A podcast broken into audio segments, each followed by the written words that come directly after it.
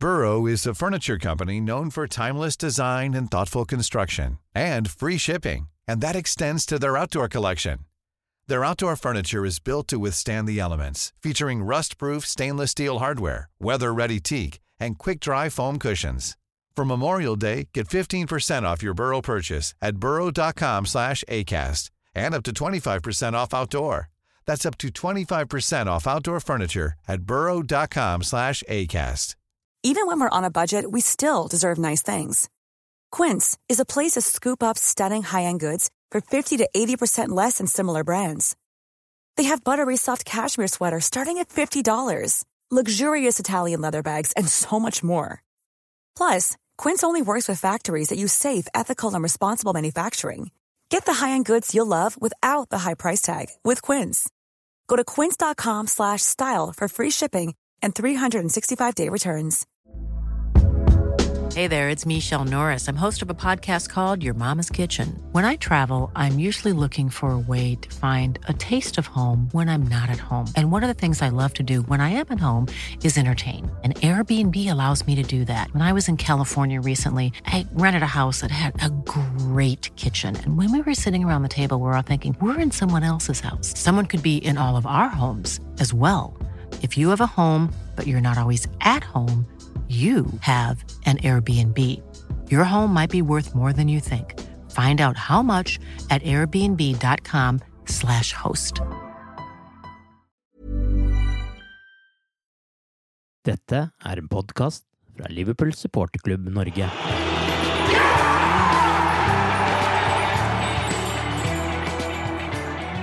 Søndag møter laget på tolvteplass på tabellen serielederen på Old Trafford. Faktisk kan det ene laget ligge helt nede på 16.-plass på tabellen når kampen sparkes i gang, avhengig av resultatene i lørdagens kamper. Men er det én kamp der tabellsituasjonen sjelden har noe å si, så er det i oppgjørene mellom Liverpool og Manchester United. Det er tid for ett av sesongens høydepunkter. Arve Vassbotn heter jeg, og i denne episoden av The Cop-Out-podkasten har vi vært på besøk i Fiendens hule, eller bedre kjent som Manchester Uniteds supporterklubb, for å høre deres tanker om kampen. Og så skal vi selvsagt også snakke med Torbjørn Flatin om det som venter til helgen. Man sier ofte i forbindelse med kamper som denne at man vil være fornøyd med uavgjort på forhånd. Har du det slik nå også, Torbjørn? Eh, nei, jeg har ikke det denne gangen, altså. Eh, det blir eh, Du har et veldig viktig poeng der. eh, eh, og, det, og det tror jeg Det sitter jeg med en følelse av at eh, er vesentlig. At eh, nå har vi, etter alle solemerker, et bedre lag. Eh, Innstillinga må være da å gå, på treff, gå til Old Trafford og, og gjøre alt for å ta de tre poenga. Men eh, du er også inne på at dette her er en kamp eh, hvor eh, det er mye, mye som kastes ut av vinduet når det gjelder statistikk og analyser eh, osv. Så, videre. så det, det er det som gjør deg usikker, fordi eh, normalt så eh, skal Liverpool være ganske store favoritter i denne kampen her. og det er, de er de også, hvis du ser litt rundt på booking og odds og, og sånne ting, f.eks. Men eh, det er nesten vanskelig å, vanskelig å snakke om det. Men eh, dette her er en, er en kamp hvor, hvor, hvor du føler at uh, innstillinga må være at Liverpool skal gå ut og styre og ta tre poeng her. Og, og det tror jeg kanskje kommer til å prege kampen etter hvert òg, men eh, det, det kommer vi tilbake til. Men eh, eh, det blir litt annerledes, for, for det er som du sier, eh, du går til kampen med å prøve å vinne sikkert eh, tidligere òg, men bak i huet så ligger det der at eh, tar vi, vi tar med oss uavgjort hvis vi får det. Så, så det, blir, det, det føles annerledes. Hva er det som gjør at disse oppgjørene stort sett aldri er walkover, uansett om det er Liverpool eller Manchester United som er i eh, sine gode perioder, da? Det har, det har noe med atmosfæren å gjøre, tror jeg, først og fremst. Eh, det er et intall, intenst eh, rivalisering. Jeg liker ikke å bruke hat, ordet hat, men, men i en fotballsammenheng så nærmer vi vårt sted. Altså, eh, altså jeg, jeg er ikke redd atmosfæren på Old Trafford i og for seg, altså lydnivået og stemningen og sånn, men det blir en atmosfære ikke sant, hvor hver eneste dommeravgjørelse som går mot hjemmelaget, skaper stor reaksjon. Hver eneste takling som er litt over det normalt akseptable fra hjemmelaget som blir satt inn, skaper stor reaksjon. Det påvirker spillerne definitivt det på hjemmelaget som gjør at du får ofte en litt oppstykka kamp, en annerledes kamp. Det er en kamp som lever sitt såkalte egne liv. Eh, som gjør at du da opplever en kamp du ikke hadde forventa på forhånd. Eh, og derfor så, så, blir det også en kamp som det er eh, ofte veldig vanskelig å spå på forhånd. Som sagt, innledningsvis så har jeg vært en tur på besøk hos Manchester Uniteds supporterklubb også, og snakket med ansvarlig redaktør Dag Langerød. Her er det han hadde å si før kampen. Uavhengig av hvor eh, på tabellen Manchester United eller Liverpool ligger, er dette et oppgjør som stort sett blir tøft. På de ni første kampene med Klopp eh, står han med to seire, fem uavgjort og to tap mot eh, Manchester United. Og bare åtte mål totalt er skåret. Og faktisk aldri har trioen på topp skåret på Old Trafford. Bare for å gi deg litt sånn optimisme på starten her, men hva tenker du om helgens kamp, du? Altså Det der er vel det eneste nesten som gir United, United håp, fordi Uniteds situasjon er vel verre enn den har vært under Ole Gunnar Solskjær, samtidig som dere har en, fått en svært en irriterende evne til å avgjøre kamper som også er jevne, når dere sliter. Men det er jo akkurat sånn som vi hadde det sjøl i gamle dager med Sir Alex, og det er jo en styrke. Og dessverre så er det ofte sånn som gir dere ligagull. Så får vi se, håpe at det er ting som skjer der. Men nei, det er tøffe tider å være United-fan, og selv om det er en kamp som kanskje kan være vendepunktet. Altså Hvis du snur det fra United, Uniteds side. Ingenting ville vært bedre enn å slå Liverpool. Hva syns du om eh, åpningen av sesongen til Manchester United? Er det noe håp her om at de skal komme tilbake? Hvis vi hadde stilt med de samme elleve som spilte mot Newcastle, så skjønner jeg skepsisen. Eh, hvis vi leverer som vi har gjort de siste ukene, så skjønner jeg at folk er skeptiske. Men nå er det vel ting som tyder på at United kommer til å stille med de fleste av de beste, selv om mange av de har vært ute med skader. Og da har, jo, har vi vært ganske gode. Eh, og vi har faktisk vel egentlig vært et av de bedre lagene mot de beste lagene også. United er ofte best mot de beste, litt fordi de tør å angripe, mens vi sliter mot de litt dårligere lagene, hvor vi ikke er kreative nok. Litt sånn Liverpool var før, da? Ja, altså på en måte, jeg føler dessverre at det er litt for mange likheter med Liverpool før og United nå. Eh, fordi eh, før så var ikke Liverpool gode, og det betyr jo bare at Liverpool, nei, United nå er ikke gode, de heller. Men Hva ser du på som den beste startelveren til eh, United, da, hvis du får de fleste tilbake fra skaden nå? Nei, altså Den er veldig åpenbar. Jeg tror nesten du kunne bare tatt de elleve som spilte mot Chelsea i den første kampen. At du har De Gea, eh, og så har du van Bissaka, Lindeløf, Maguire og Shaw. Eh, mot Newcastle så mangla jo tre mann i backrekka. Eh, og så har du Pogba og McTominay på midtbanen. Pogba er vel usikker, eh, i hvert fall fortsatt. Og så har du da Rashford, James og det er jo Lingard som på en måte har hatt den rollen, selv om Lingard har hatt en dårlig sesong. Med den gjengen og Martial på topp, så har du på en måte den elveren som er. og da den elveren den slo Chelsea. Riktignok hadde Chelsea et par kamper tidlig, men slo Chelsea klart og var egentlig best i de fire-fem første kampene i sesongen, før eh, alt begynte å falle fra hverandre pga. skader. Er det områder du mener eh, United er bedre enn Liverpool på nå, og som kan bli avgjørende i den kampen her? Uh, hvis jeg skal være helt dønn ærlig, så er det jo vanskelig å se det. Og det handler jo om at det byggverket som Jürgen Klopp har fått, eller, fått tid til å bygge opp i Liverpool, er på et helt annet nivå enn det øh, Manchester United kan stille med. Vi har en, øh, det ser ut som det er kvalitet i alt det Liverpool driver med. Det betyr ikke at jeg nødvendigvis mener at Trent Alexander og Arnold er, uh, ville vært fantastisk hvis han kom til Manchester United. Men det betyr at det kollektivet som Jørgen Klopp har klart å skape der sånn, og den troen på en måte at det er den riktige veien å gå, det er så bra at selv spillere som kanskje ikke er verdens beste, har på en måte ser ut som verdensmestere. Uh, mens i United så er det sånn at de spillerne som kanskje skulle være verdens beste, ser overhodet ikke ut som verdens beste. Så det er helt uh, motsatt. da. Så får vi se om Ole Gunnar Solskjær og hans team noen gang har muligheten til i det hele tatt å skape noe, noe som ligner på Liverpool. Men uh, det er langt fram, altså. Trent har jo tidligere blitt sett på som et svakt ledd i laget når man har møtt United, og viste for så vidt at han var det for et par sesonger siden. Tror du det er på den siden United kommer til å legge trykket nå også? Altså Hvis Martial er tilbake, så vil vel mest sannsynlig Rashford forsvinne ut på venstrekanten igjen, der han er bedre. Eh, og da sier det seg sjøl at hvis du har Rashford der og Martial også, som gjerne legger seg ut der, så er det kanskje der United må gjøre det. Selv om vi, Daniel James har vært god. Eh, fordi vi har en tier som ikke har fungert i det hele tatt i år. Eh, en, uansett om du bruker en Mata eller Pereira eller Lingard. Så, så, Rashford og Martial, hvis Martial er klar, er jo det åpenbare styrken vår. Men uh, kollektivet må jo fungere, og det er jo vanskelig basert på de siste kampene å se at United skal skåre mål mot et så godt defensivt lag som Liverpool. Men jeg har registrert at selv om Liverpool har full pott i ligaen, og alle sånne ting, så det har ikke gått Eller hva skal jeg si? Dere har vunnet, men det har ikke alltid vært like overbevisende. Og det gir jo håp, spesielt mot et United som er et godt hjemmelag, eller relativt godt hjemmelag. Jeg så Skysport hadde en sånn uh, sak her nylig om hvor de hadde laget en sånn combined uh, Liverpool og Manchester United-lag, hvor det var helt mangel av United-spillere. Hvilken uh, United-spiller mener du ville gått inn i et sånt lag? Altså, du, Da må du ha som forutsetning at Jørgen Klopp på en måte har henta disse spillerne her og vil bruke de, og jeg, jeg vil jo Altså, det, nå vil kanskje noen Liverpool-fans riste på hodet, men altså, altså, at Harry Maguire kunne spilt sammen med Virgil van Dijk, det ville ikke vært helt utenkelig. Uh, det er vanskelig å gjøre noe med bekkene, selv om Van Bissaka er spennende nok. Uh, jeg syns det er åpenbart, og jeg syns det er uh, direkte feil å ikke tenke at Paul Pogba, trent av Jürgen Klopp, skulle ha, kanskje kunne forsterka Liverpool. Uh, og så er jo Rashford spennende nok, men når du har Mané, også Firminio og Salah i de tre posisjonene der, så jo, kan du snakke så mye om du vil om Marcial eller Rashford, men stabiliteten til de tre under Klopp er jo på et helt annet nivå enn det en 21 eller 22 år gammel Rashford eh, står for. Føler Solskjær fortsatt har tillit blant uh, United-fansen, eller uh, spøker det for ham uh, nå?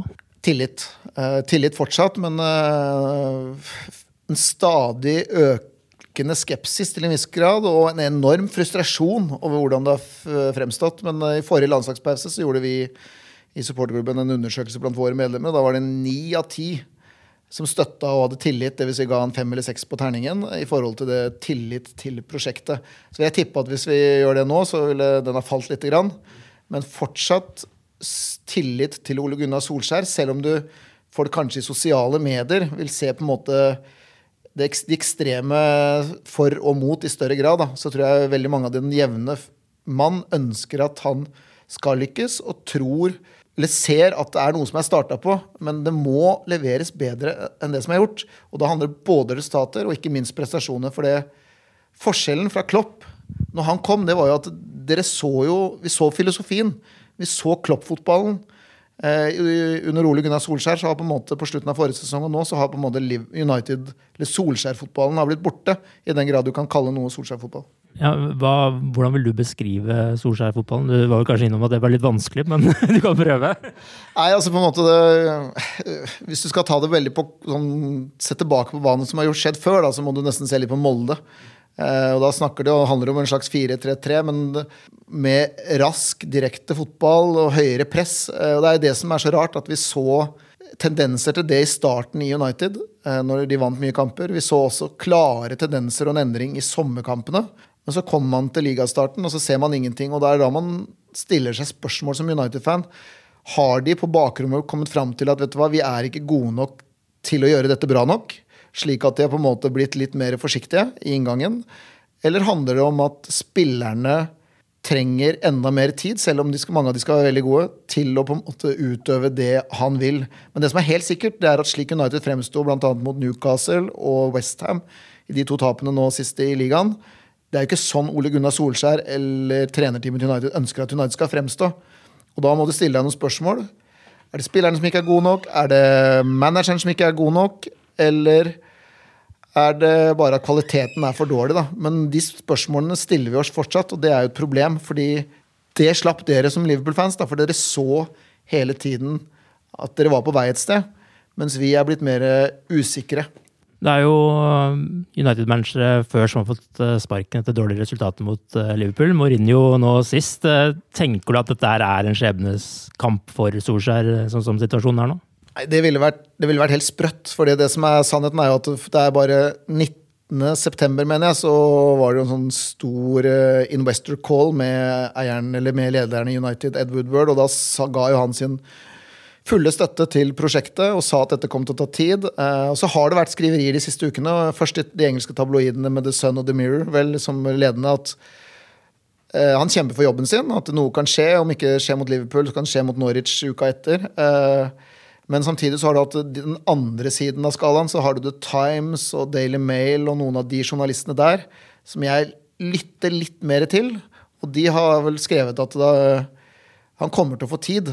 At de skjønner at dette er at de har valgt en ny vei, og at den veien kommer til, kommer til å kreve tålmodighet. Da. Så jeg tror ikke noe kommer til å skje nå, men United er avhengig av resultater. For det er én ting på en måte å legge en plan, satse på unggutter og på en måte ha en rød tråd for fremtiden, men du kan jo ikke tape United kan jo ikke rykke ned. men, men, merker du på en måte noe endring i uh, hvordan folk ser på eierne? Er det der på en måte den største frustrasjonen er nå blant United-supportere? Helt klart. altså Eierne i enda større grad enn før. altså For hver mislykkede manager, for hver mislykkede spillerinvestering, for, hver, for hvert sommervindu hvor de føler at de blir investert mindre enn det man har råd til, så, går, så har spørsmålet rundt eierne økt. Det, så jeg føler fortsatt at det er de som på en måte får den største delen av misnøyen. Og hvis de sparker Ole Gunnar Solskjær, så, så vil tror jeg, de fleste United-fans er enige om at da selv om han kanskje frikjennes av Glazers, så vil jo Ed Woodward, som er ansvarlig for alt som har skjedd etter Sir Alex, være den som på en måte fortjener størst på en måte kritikk. da. Helt til slutt, hvordan ser du for deg at det går på søndag? En del United-fans frykter et braktap. Det tror jeg var ordene som ble brukt etter tapet mot Newcastle. For det er to forskjellige lag på to forskjellige nivåer, og det er jeg helt enig i at det er utgangspunktet. Men du begynte jo med å si selv altså, at dette her har ikke vært noe enkel kamp for, for Liverpool. Klopp har vel aldri heller vunnet på Paul Trafford. United pleier ofte å heve seg mot de beste. Eh, så jeg tror det blir ganske jevnt, men jeg er litt redd for at eh, jeg er personlig litt redd for at United akkurat nå er på et litt dårligere sted enn det de burde vært. Og at på en måte Liverpools flyt skal gi de en ny, ny på en måte knepen seier. Uh, men jeg blir ikke veldig overraska faktisk hvis det blir det første poengtapet til Liverpool heller. Jeg kunne jo sikkert sagt lykke til og så videre, men det gjør jeg vel ikke i denne podkasten. Men uh, takk for praten, iallfall. I like måte. Er det noen Manchester United-spillere som eh, du ville tatt inn på et best of-lag med Liverpool og Manchester United nå, Torbjørn? Eh, 100 ærlig nei. Eh, Eh, og jeg må jo si at det, jeg syns de eh, argumentene han har, er eh, ganske fair. De han nevner, er de som jeg mener er i nærheten. Du kan bruke Maguire ved siden av van Dijk eh, uten at jeg tror det svekker så veldig mye. Eh, det er klart, det, hvis du får skrudd opp eh, Paul Pogba absolutt 100% så er det jo liksom på plass, indreløperplassene hvor Liverpool kanskje er i gåseøynene lettest og på en måte erstatter da, i, i en sånn slags drømmelag eller kombilag. Mm. Så liker jeg også eh, Marcus Ratchford. Eh, selv om jeg syns han er enig i at han er litt mer ujevn enn de vi har, f.eks. Mm. Eh, altså, en som hadde vært på et sånt kombilag oftere de siste åra, det ville jo vært eh, David De Gea. Ja. Eh, og jeg er ikke så sikker på om, jeg, om, han er så veldig langt unna nå heller. Nå er det mulig at han eh, ikke blir med da, etter å ha blitt skada, men det, det, hadde også, Hvis jeg hadde vært United-supporter før, ville jeg følt at han kanskje fortsatt hadde vært en kandidat. Da. Men eh, jeg, jeg, helt ærlig så føler jeg kanskje at alle sklir akkurat utafor. Men det, det er mm. spillere her som, eh, som jeg syns er i nærheten, da. Men hva, hva mener du taler for Liverpool-seier nå på søndag, da? Ja, Først og fremst at vi, vi da er stort sett bedre overalt. Vi er definitivt fallere framme. Vi er bedre på dødball.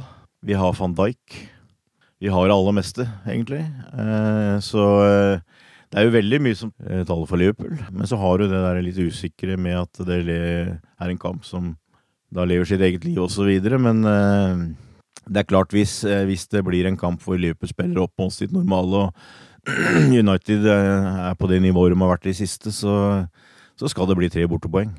Er du litt overraska over at de tre på topp hos Liverpool aldri har skåret på Old Trafford, eller? Uh, ja, det må jeg jo si. Det har vel vært uh, også ganske tett de siste åra, uh, og det er, det er, jo ikke utypisk, egentlig. Mm. Og det, det, tror jeg Jeg regner med at United kommer til å gå til denne kampen her med en innstilling om at her må vi holde tett, og så prøve å stæle av det vi kan. Som han, vår venn fra Manchester sa, så innerst inne er hun nok livredd på å få seg en skikkelig smell her, for det, det er det potensialet til hvis kampen går i vår retning. Så jeg, jeg, er ganske overbevist om at her, her, kommer United kommer til å gjøre det de kan for at det, det blir lite sjanser, og, og at de, kan få en og annen mulighet på en uh, kontring eller en dødball. Så uh, det, det, er i hvert fall det kampbildet jeg ser litt for meg, og, som, og som Liverpool da må prøve å, å gjøre noe med. Vi var jo litt innom i intervjuet med, med Dag om uh, dette med sol... It's that time of the year. Your vacation is coming up. You can already hear the beach waves, feel the warm breeze, relax and think about work. You really, really want it all to work out while you're away. Monday.com gives you and the team that peace of mind. When all work is on one platform and everyone's in sync, things just flow wherever you are. Tap the banner to go to Monday.com. Ready to pop the question? The jewelers at Bluenile.com have got sparkle down to a science with beautiful lab grown diamonds worthy of your most brilliant moments. Their lab grown diamonds are independently graded and guaranteed identical to natural diamonds, and they're ready to ship to your door. Go to Bluenile.com and use promo code LISTEN to get $50 off your purchase of $500 or more. That's code LISTEN at Bluenile.com for $50 off. Bluenile.com code LISTEN. Burrow's furniture is built for the way you live. From ensuring easy assembly and disassembly to honoring highly requested new colors for their award winning seating, they always have their customers in mind. Their modular seating is made out of durable materials to last and grow with you. And with Burrow, you always get fast, free shipping. Get up to 60% off during Burrow's Memorial Day sale at burrow.com slash ACAST. That's burrow.com slash ACAST. burrow.com slash ACAST. Ryan Reynolds here from Mint Mobile. With the price of just about everything going up during inflation, we thought we'd bring our prices down. So to help us, we brought in a reverse auctioneer, which is apparently a thing. Mint Mobile unlimited premium wireless. Ready to get 30, 30, bit to get 30, bit to get 20, 20, 20, bit to get 20, 20, bit to get 15, 15, 15, 15 just 15 bucks a month. So, Give it a try at mintmobile.com/switch. slash $45 up front for 3 months plus taxes and fees. Promo rate for new customers for limited time. Unlimited more than 40 gigabytes per month slows. Full terms at mintmobile.com. Since 2013, Bombas has donated over 100 million socks, underwear and t-shirts to those facing homelessness if we counted those on air, this ad would last over 1,157 days. But if we counted the time it takes to make a donation possible, it would take just a few clicks. Because every time you make a purchase, Bombas donates an item to someone who needs it. Go to bombas.com slash ACAST and use code ACAST for 20% off your first purchase. That's bombas.com slash ACAST, code ACAST. Posisjon. Eh, tror du dette her er en slags eh, skjebnekamp for han? At eh, det kan bli den siste kampen han har som Manchester United-manager om det skulle bli tap mot Liverpool her?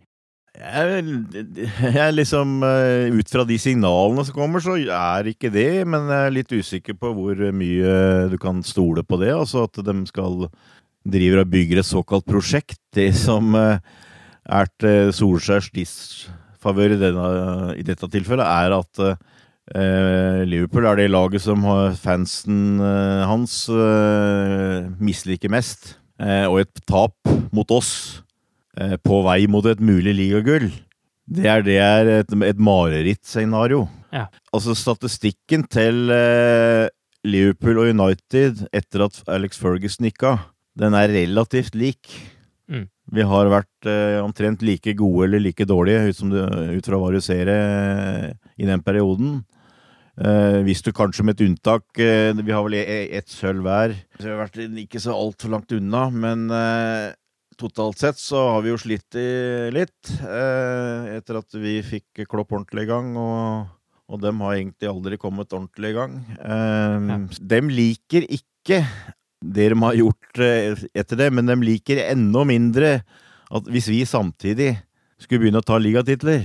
Så det, det, det tror jeg kan frem, fremprovosere en stemning som gjør at eh, han begynner å sitte i hvert fall mer utrygg i stolen. altså. Eh, I utgangspunktet så tror jeg kanskje at de mener litt av det de sier, med at de har en tanke om å bygge opp noe. prøve, prøve ungt og, og gi en tid. Men alt har en grense, definitivt.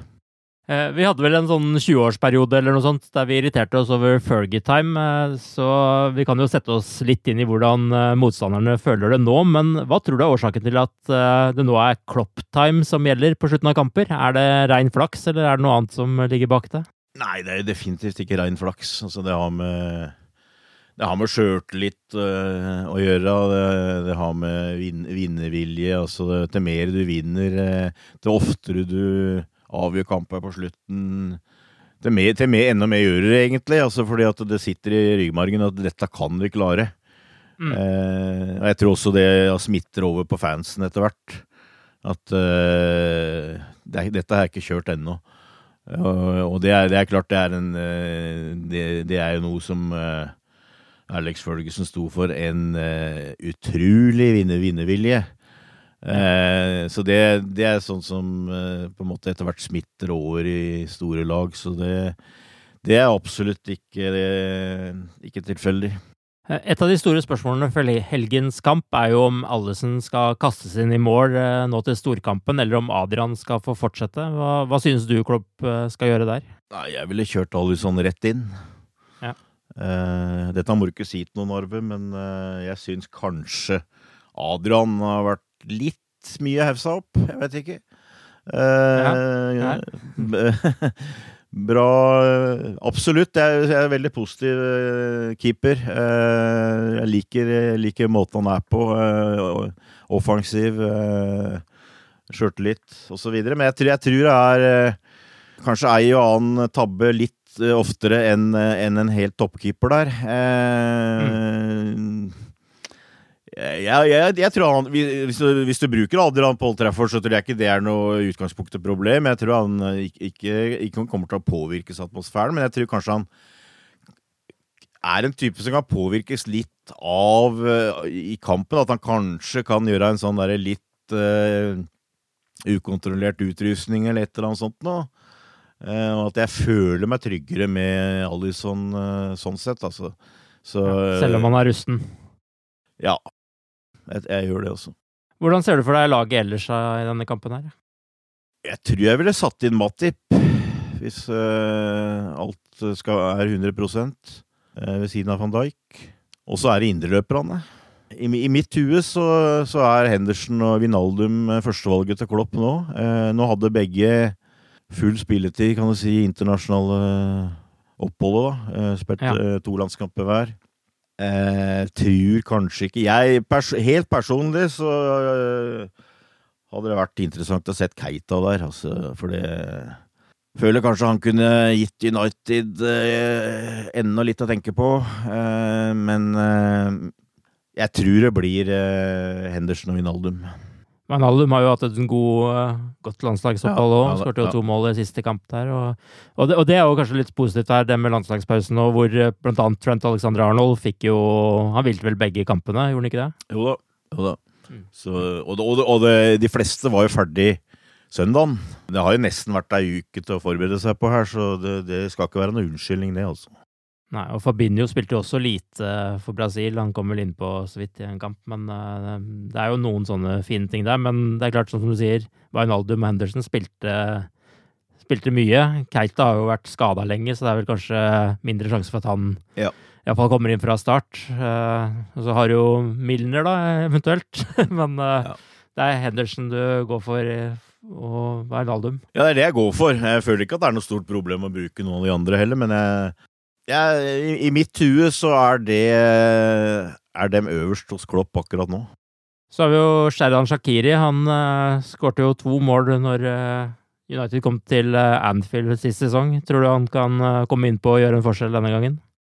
Ja, han er en type som hadde gitt alt, han, hvis han hadde kommet inn. Eh, og definitivt villig til å prøve og sånt, så det, det syns jeg absolutt er en, er en mulighet, og det hadde vært moro å fått Sheridan skikkelig i gang igjen. Altså, det, jeg syns- han er en farveklatt. Forhåpentligvis så behøver vi ikke å sette inn noen som må lage, lage liv i buret, men, eh, men ja, absolutt. Eh, Jeg regner med han sitter på benken. Det er som Dag Langerød er innom her, en del likhetstrekk mellom den situasjonen Manchester United er i nå, og den Liverpool har vært i tidligere, både sånn resultatmessig og også på eiersiden. Eh, For ni år siden så fikk jo Liverpool nye eiere med FSG, og de er jo også amerikanske eiere, men av en helt annen kvalitet enn de amerikanske eierne som Liverpool hadde før det. Sånn litt uh, kjapt oppsummert, hva tenker du FSG har lykkes med som uh, Glaser-familien ikke har klart, og omvendt? Ja, uten å gå for nærme på akkurat den derre, kan du si eh, økonomiske biten og sånt noe, så eh, det er vel en del av kritikken eh, i Manchester og at eh, klubben ble kjøpt på lånte penger. Lånet er blitt betalt tilbake på penger som Manchester United har tjent. Eh, og som du da som supporter sikkert føler at eh, de har brukt penger som kunne brukt på andre, blitt brukt på andre ting. Eh, men eh, samtidig så eh, Dessverre, holdt jeg på å si, så er jo Manchester United en, eh, en pengemaskin. De tjener penger, og de har brukt penger på spillere her, f.eks. De kan ikke sitte og klage på de. I den, den saken så, så virker det litt sånn rart uh, for at det er så veldig mye klage på eierne, men eh, det, de har sikkert helt, sikkert helt sikkert sine grunner til det. Eh, Jeg føler jo FSG uh, i hvert fall etter hvert har lykkes med, er at de har fått inn rett mennesker på de rette plassene eh, sportslig. Ja. Og da som med et klimaks med Jürgen Klopp. Og det de etter hvert har gjort i transfermarkedet, er jo nærmest uten plett og lyte, altså spesielt da etter Klopp kom. Som gjør at de har fått inn en veldig homogen og sterk stall for eh, meget beskjedne midler i den sammenhengen vi snakker. Ja. Mens derimot United er forferdelige på den biten der. Ja. Eh, og det vil ikke jeg, vil ikke jeg eh, bare ha beskyldt eierne for. Jeg føler jo at det absolutt er noe i den sportslige ledelsen. Og det tror jeg også gjelder supporterne. Det er andre folk de også er forbanna på der. Eh, ved at de har brukt hundrevis av millioner, og så sitter de igjen med det laget de har nå. Ikke sant? Altså det er, eh, det er nesten en prestasjon. Eh, sånn er det. Så det er vel en, eh, en daglig leder der òg som eh, Og det, det Kanskje det er til Ole Gunnar Solskjær for eh, fordel. Mm. Fordi for hver manager som United sparker nå, så bør jo den posisjonen til han daglige lederen egentlig svekkes litt, for det er han som har valgt dem ut. Eller Ja. det er han som har signert dem, i hvert fall. Jeg, jeg føler, jeg føler jo situasjonen er, er, som sagt, er, da, er litt annerledes enn en, en, enn enn det var med altså, United og Liverpool. Da. Eh, For jeg synes det er klart eh, Gillette og eh, X var jo håpløse, men eh, det, det gikk jo også på at eh, det blei en maktkamp mellom dem og, og dem som styrte klubben, manager og daglig leder osv., og, så videre, og fullstendig kaos. Ja. Her, her er det for så vidt ikke det. Altså, her er det United eh, som har eh, folk som sitter på en måte stabilt, men de gjør bare en dårlig jobb. Men Liverpool kanskje lykkes bedre i hvert fall nå de siste årene med å uh, lære litt av feil og ansette riktige folk i riktige posisjoner. Da. Altså sånn uh, måtte forstå hvor de trenger kompetanse utenfra. Det er kanskje litt der det ligger. Ja, absolutt. De har, eh, de har lært seg etter hvert og gjort, tatt de rette valga eh, etter hvert, Mm. og, og nå er det blitt veldig bra. Ja, for det, det var jo større skeptisk til FSG også de første årene, etter de første fire årene, si det, da. Ja, ja, jeg var en av dem, egentlig. Altså Jeg har alltid følt meg å drive i en bra butikk. Altså, det, vi fikk bedre sponsoravtaler. eh, Dem, de etter, etter, eh, så vidt jeg kan forstå, så har de drevet rimelig, rimelig reinhårig med å, å ikke bruke penger de ikke har. Eh, ikke låne penger de ikke har råd til å låne, osv. Eh, men de drev, sportslig sett så drev de eh, litt for mye hva skal jeg si, amerikansk. altså De var ikke vant til det transferopplegget for eksempel, som var i England. Eh, Mm. Hvor du må være litt mer dynamisk, hvor du av og til kanskje må eh, spekulere litt for å erverve og, og handle dyrt når det er behov for å handle dyrt, og, så- videre. Men det, det har de eh, om, dem, om dem ikke skjønte det etter hvert, så skjønte de i hvert fall at de måtte få inn andre folk eh, og, og, ha et annet system. Og, men, men, noe av grunnfilosofien er der fortsatt. Og det er at du skal ikke bruke penger du ikke har, og du skal mm. bygge opp. Du skal ut, utvikle spillere der. Du skal uh, produsere spillere der. Eh, den er der fortsatt. Det er bare at de har fått uh, folk som gjør det bedre. Chelsea har jo ansatt Frank Lampard som manager. Eh, Manchester United har ansatt Solskjær som manager. Liverpool skal heldigvis og forhåpentligvis ikke ansette noen nye managere på veldig veldig lenge. Men det er likevel blitt en del snakk om hvem som bør ta over etter Klopp eh, den dagen han eh, finner ut at han skal gi seg. Og ikke minst eh, så har jo Klopp selv nevnt Steven Gerrard eh, som et navn, og det har jo satt i gang eh, en del saker rundt akkurat det. Liverpool har jo sett til tidligere spillere tidligere i historien. Hvor står du i den debatten der nå? Tenker du at Gerrard vil være en naturlig neste manager i Liverpool? Ja, det, det er litt spørsmål jeg ikke liker, for å være helt ærlig. Uh, jeg bruker uh, null uh, kalorier på å tenke på hvem som skal bli manager etter Klopp. Altså den, ja. den, tanken orker jeg nesten ikke, og jeg har ikke så veldig lyst til å begynne å, å jobbe med den før, før, du føler at det er litt I utgangspunktet så vil jeg si at jeg liker ikke tanken på å hente inn en tidligere spiller som har nokså litt managererfaring. Mm. Altså Det å være manager i Liverpool FC, og, og, for så vidt Manchester United, det er en enorm jobb.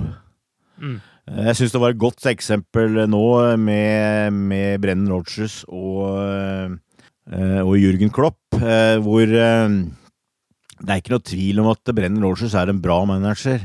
Det har du sett i Celtic etterpå. Han gjør en bra jobb i Leicester. Når, når, og, og, han, og, han, gjorde lenge en bra, bra jobb i Liverpool, men når det liksom dro seg til, når han fikk noen problemer, når det var stjerner som gikk, og, så så var han, hadde han ikke helt pondus, hadde ikke helt posisjon til å, å gjennomføre det. Det har Klopp. Eh, du ser, du, eksempelet er kanskje enda bedre i United hvor du mist, mister en sånn legendarisk skikkelse som er Alex Ferguson, som du skal erstatte, og du, og du, du prøver eh, David Moyes, du prøver van Gaal, du prøver Mourinho. Tre helt forskjellige typer manager. Alle har noe som ikke helt passer inn. Høyst sannsynligvis har de gjort et fjerdevalg som heller ikke eh, er eh, bingo. Mm. Eh, de kommer til å treffe en gang, men det er vanskelig. Og derfor så eh, kommer det til å bli en utrolig svær avgjørelse for Liverpool den gangen det blir aktuelt. Da. Og eh, jeg, jeg, har egentlig ikke lyst til å spekulere for mye, men jeg er ikke noe, er ikke noe kjempefan av å, å, ha satt inn Steven Gerrard nå. Altså, det, må, det, må, jeg innrømme, og det er mulig jeg banner litt i, eh, på steder jeg ikke skulle nå, men jeg, jeg, føler kanskje han er fortsatt litt for fersk. Får håpe han er veldig, veldig erfaren innen det ja, ja. blir ja. eventuelt aktuelt. ja. Eh, etter kampen på Old Trafford nå, så venter jo et møte borte mot Genk i Champions League, før Tottenham er motstander på Anfield neste søndag igjen. Eh, ser du på den kampen mot Genk som en mulighet til å spare noen eh, spillere nå, eller? Ja, det er en mulighet, men litt usikker på hvor stort behovet er. Altså, nå har vi som sagt uh, hatt nesten ei uke til å forberede på United. Det er ligacup uh, midtuka etter. Så, så, hvor stort er behovet? Det er klart Du har en spiller som f.eks. Andy Robertson, som kommer til å få stor belastning etter hvert her. Han òg spiller alle landskamper. Det kunne satt inn James Milner eh, i Genk uten at jeg tror det hadde vært noe stort problem. Mm. Eh, du har innrøperne som eh, Keita, for eksempel, kunne det vært ålreit å gitt en kamp i Genk. Jeg, jeg, tror Klopp er veldig gira på å få han i gang. Eh, og så er det, er det, de tre på topp som, eh, som uh, du ser for deg blir et problem. Når skal du hvile dem? Kan hvile dem i, kanskje, du kan hvile dem i den Lia Cup-runden, selvfølgelig, men eh, det er noe jeg kanskje ville vurdert, da, og, og gitt Origi en start uh, i, gang, kanskje, men jeg, jeg føler jo jeg, jeg, sitter med en sånn følelse at Klopp ikke vurderer at slitasjen er så stor ennå at han kommer til å at han kommer til å bytte minimalt. Altså, nå er ikke jeg noe geni i matte, men eh, altså hvis Liverpool vinner i Genk, så spiller da Napoli og Salzburg i den andre kampen. Mm. Uh, og hvis Liverpool vinner, så er de nødt til å være minst to poeng foran tredjeplassen. Med hjemmekamper mot Genk og Napoli som de to neste, da er vi skikkelig i, i førersetet i forhold til avansement. Ja. Eh, Det tipper jeg kanskje Jørgen Klopp har sett på. Eh, Så jeg tror kanskje han eh, satser på at eh, han har ei uke At, eh, at det såkalt favorittlaget hans, da, for å kalle det det, tåler ei uke med tre kamper, altså.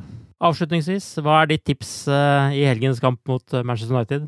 Ja, altså jeg Jeg sitter med følelse at det, enten så tar vi også eh, Fikser vi dette øh, eh, Sitter du og prøver å være beskjeden nå, er det det du Ja, prøver ja, på? ja. du høres så veldig gjør, ut der. jeg gjør det.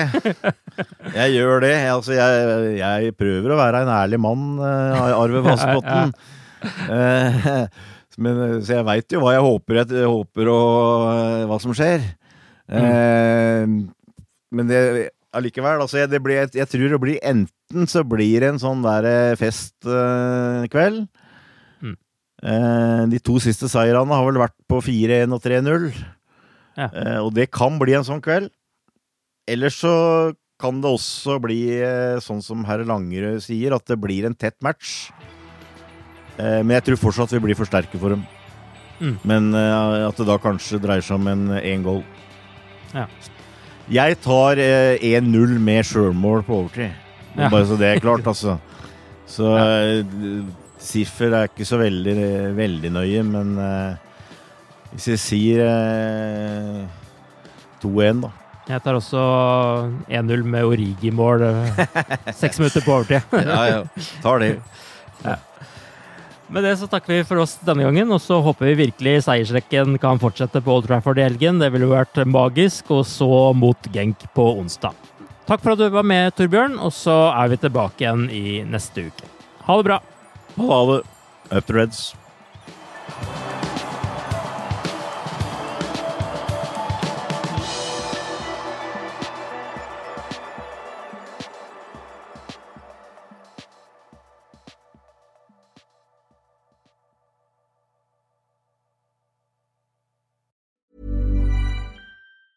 Normally, being a little extra can be a bit much, but when it comes to healthcare, it pays to be extra.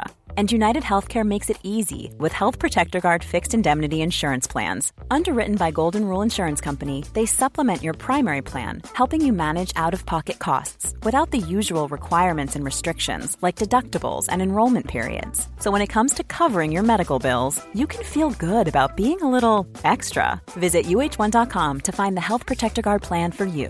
Planning for your next trip? Elevate your travel style with Quince. Quince has all the jet setting essentials you'll want for your next getaway, like European linen, premium luggage options, buttery soft Italian leather bags, and so much more. And it's all priced at 50 to 80% less than similar brands. Plus, Quince only works with factories that use safe and ethical manufacturing practices. Pack your bags with high-quality essentials you'll be wearing for vacations to come with Quince. Go to quince.com slash trip for free shipping and 365-day returns. When you make decisions for your company, you look for the no-brainers. If you have a lot of mailing to do, stamps.com is the ultimate no-brainer. Use the stamps.com mobile app to mail everything you need to keep your business running with up to 89% off USPS and UPS. Make the same no-brainer decision as over 1 million other businesses with stamps.com. Use code PROGRAM for a special offer. That's stamps.com, code PROGRAM.